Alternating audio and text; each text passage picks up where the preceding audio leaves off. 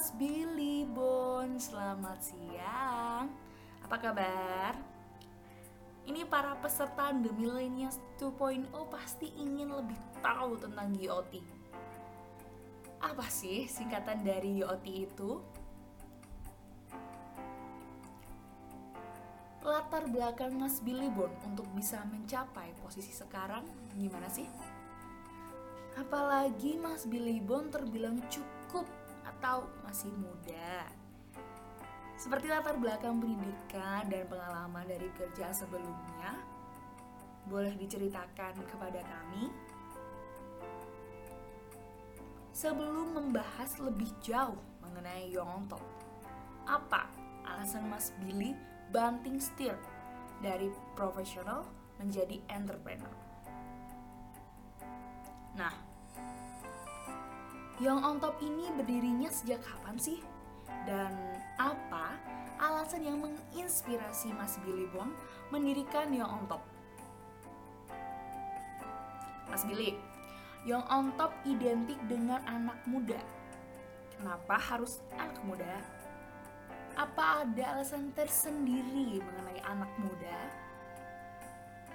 Sebelum masuk ke tema acara, apa sih visi dari Young on Top? Mas Billy, kegiatan apa saja yang dilakukan Young on Top untuk mencapai visi tersebut? Young on Top juga ada namanya YOT Campus Ambassador dan YOT di setiap daerah. Kenapa dibuat YOT CA dan YOT di setiap daerah? Selain dari YOT CA dan YOT di daerah, ada juga fans Young on Top yang sudah banyak sekali jumlahnya. Kalau kita boleh tahu, berapa jumlahnya? Bagaimana cara Young on Top membangun hubungan dengan para Yoters? Bagaimana cara mendaftarkan diri sebagai Yoters? Dan apa sih benefit yang kita dapatkan setelah menjadi Yoters? Menarik sekali ya. Kita kan menyadari jika zaman now ini merupakan era VUCA di mana perubahan terjadi dengan cepat baik di bidang teknologi dan banyak hal lainnya. Apa yang dilakukan Young on Top agar tetap bisa bertahan di era perubahan yang sangat cepat ini? Teknologi apa saja yang sudah digunakan di Young on Top saat ini? Tantangan apa saja yang dihadapi oleh Young on Top di tahun ini?